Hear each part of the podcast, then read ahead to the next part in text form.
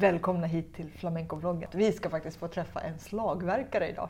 Ja, äntligen. Äntligen.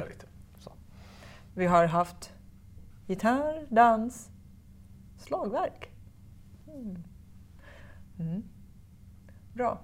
Och det är inga, inte vilken slagverkare som helst. Idag ska vi få träffa en eh, kollega både på scen och i producentvärlden, för mig i alla fall. Vi ska nämligen få träffa Robin Kahren. Ja, Ja. Driver- profilerad eh, afrikansk slagverkare Ja, kan man säga. Faktiskt. I flamencovärlden. i flamencovärlden. Grymt sväng. Grymt. Mm.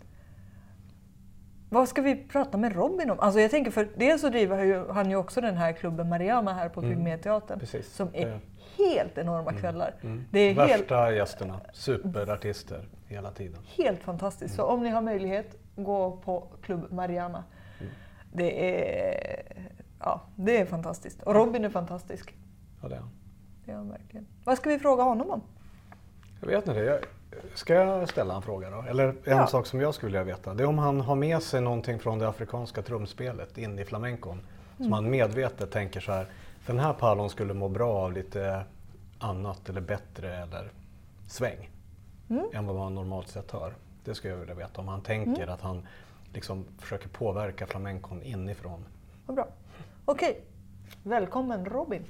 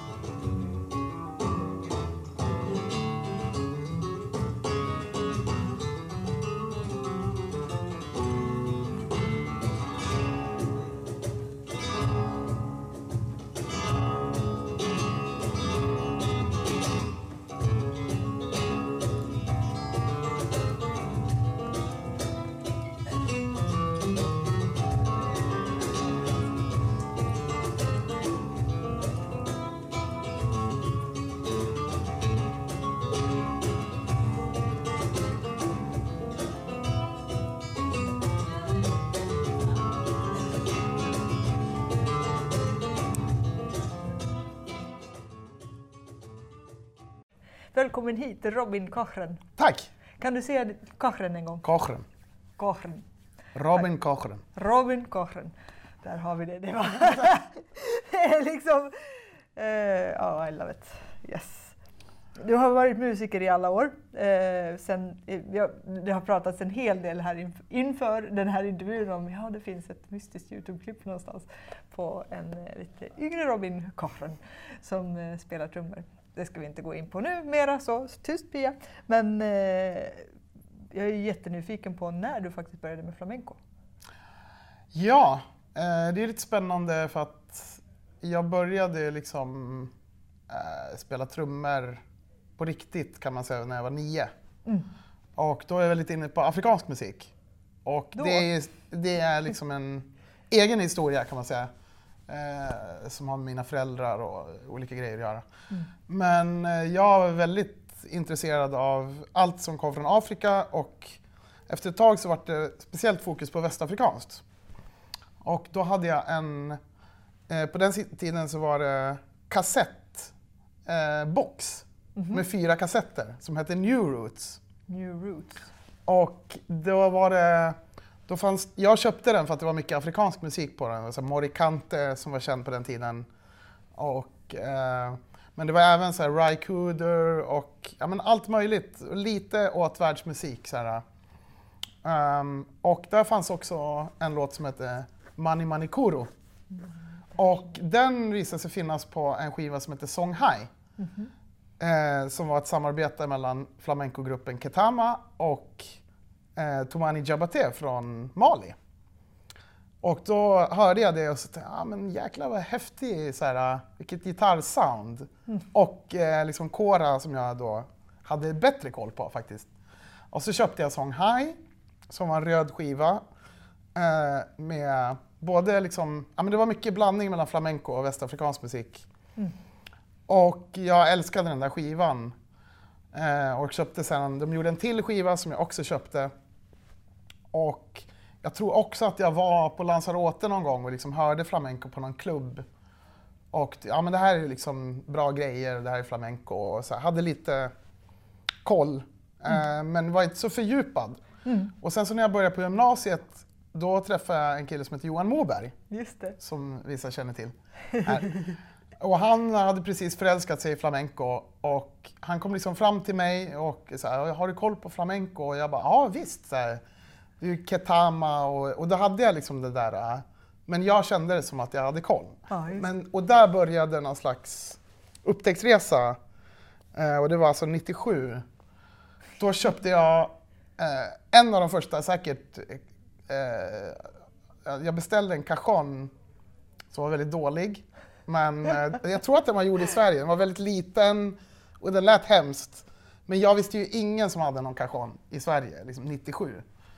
Eh, så att, eh, då började jag och Johan liksom åka på upptäcktsresa gemensamt och lära oss mer om flamenco och så här. Häftigt. Visste du någonting om flamencoscenen i Sverige i övrigt då? Liksom? Eller det var Johan som var... Ah, nej, vi lyssnade ju på Erik Sten Ja. eh, och jag hade ganska bra koll på liksom, världsmusik och allt som var under den. Eh, för att vi, hade, vi fick liksom Folklorcentrum som var så här fanzine med folk och världsmusik och där såg man Erik Sten ute på turné och liksom eh, Så Erik hade jag i alla fall koll på, vet jag. Och det fanns ju inte så mycket annat då på den tiden. Ja, precis. 90-talet körde Ja. ni runt ganska mycket med det där. Alltså. Mm. Ja. Men hur... eh, För det här, då, då bodde du inte i Stockholm va? Ja, Du då bodde jag i Östersund. Du var ju uppe i Östersund Mm. ja. Just det. Eh, där, någonting som har dykt upp som eh, fråga, i och med att du har ändå fortfarande, upplever jag och Per också när vi satt här och pratade innan, så eh, att du har så himla starkt det här afrikanska, eh, kanske förhållningssättet och till viss del kanske också soundet. Jag vet inte om du håller med själv? Eh, men, Ja. ja. Alltså, jag började ju med afrikansk musik typ. Mm. Eh, och, alltså jag började med afrikansk musik tillsammans med reggae och Mm. en del skotsk och svensk folkmusik som är skotsk som jag höll på med genom farsan. Mm. Men allt filtrerades på något sätt genom afrikansk musik, även Precis. då. Alltså, så att eh, när man spelade folkmusik då gick det genom mitt afri- liksom, filter för hur man spelar trummor inom afrikansk musik. Just Och det. sen så tolkade jag skotska låtar och svenska låtar.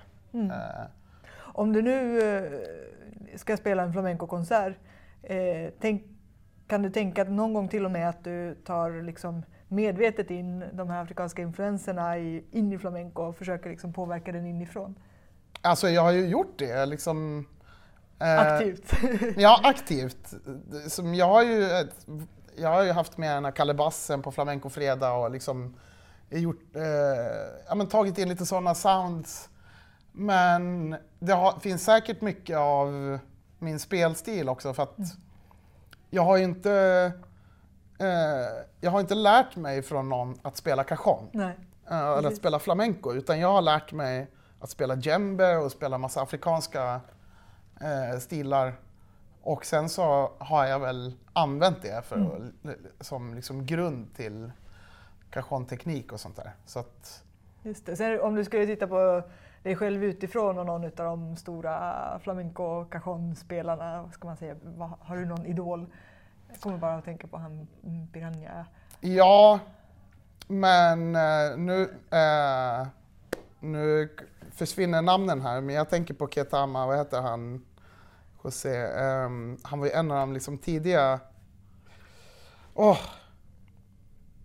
Jag måste... Vi, får, vi får googla det. Ja, vi får googla det. vi får googla det. För nu, är, nu var det inte färskt i min skalle, men han är min favorit tror jag. Ja, och han Och jag- spelar lite med en sån...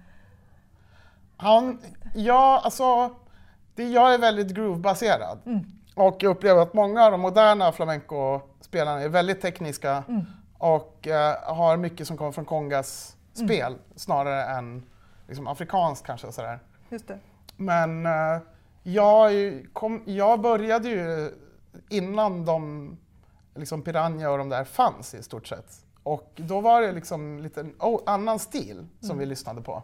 Och det var ju mycket Paco de Lucia och sånt där. Precis, och när var det där? Det var ju någon gång på 80-talet som Ja, så jag menar det var Ruben Dantas och Manolo Soler som jag började att lyssna på. Mm. Och eh, han som vi ska googla. Han som vi ska googla. Ja, Alltså, det får komma upp i så här, vad Ja, man, in i ja klipp- precis. kommentarerna. Kommer här. Ja, Ja. precis.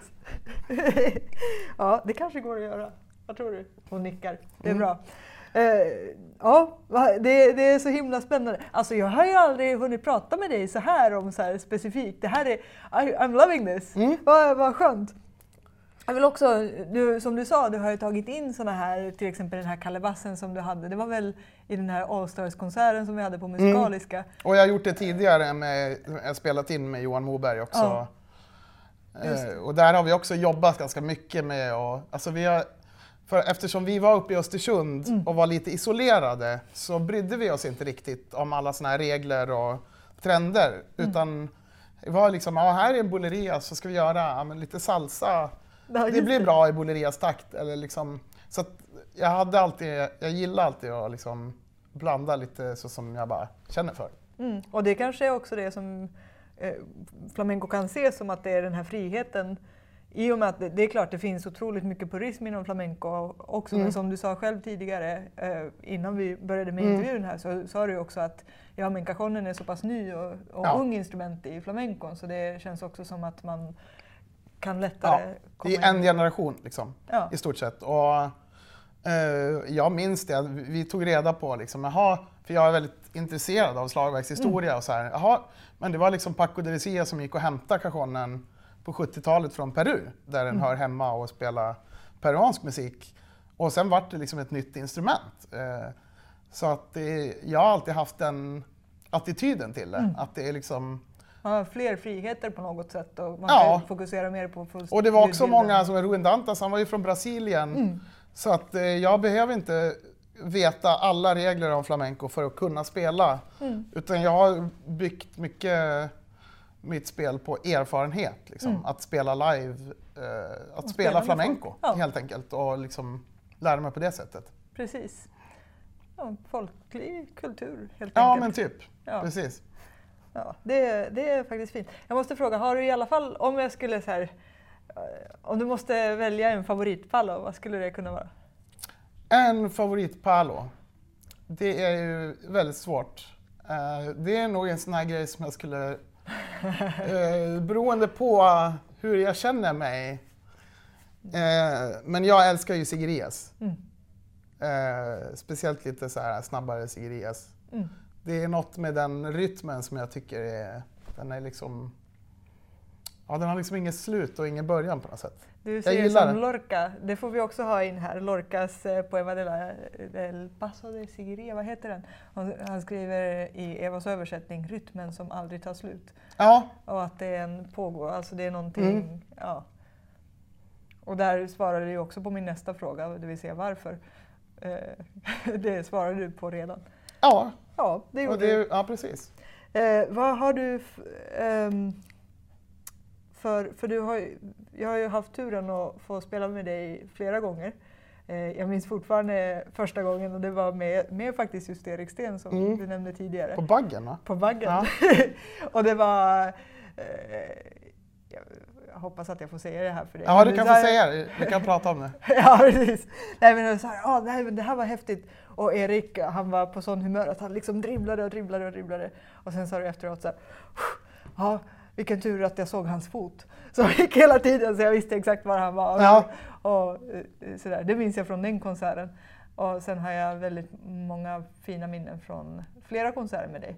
Mm. Men eh, jag skulle också vilja fråga om ditt favorit flamenco-minne från de här kanske flamenco-fredagssammanhangen i så fall. Ja, men det tänkte jag ju på då. Och då tänkte jag på en viss gitarrist som heter Antonia Jiménez. Mm.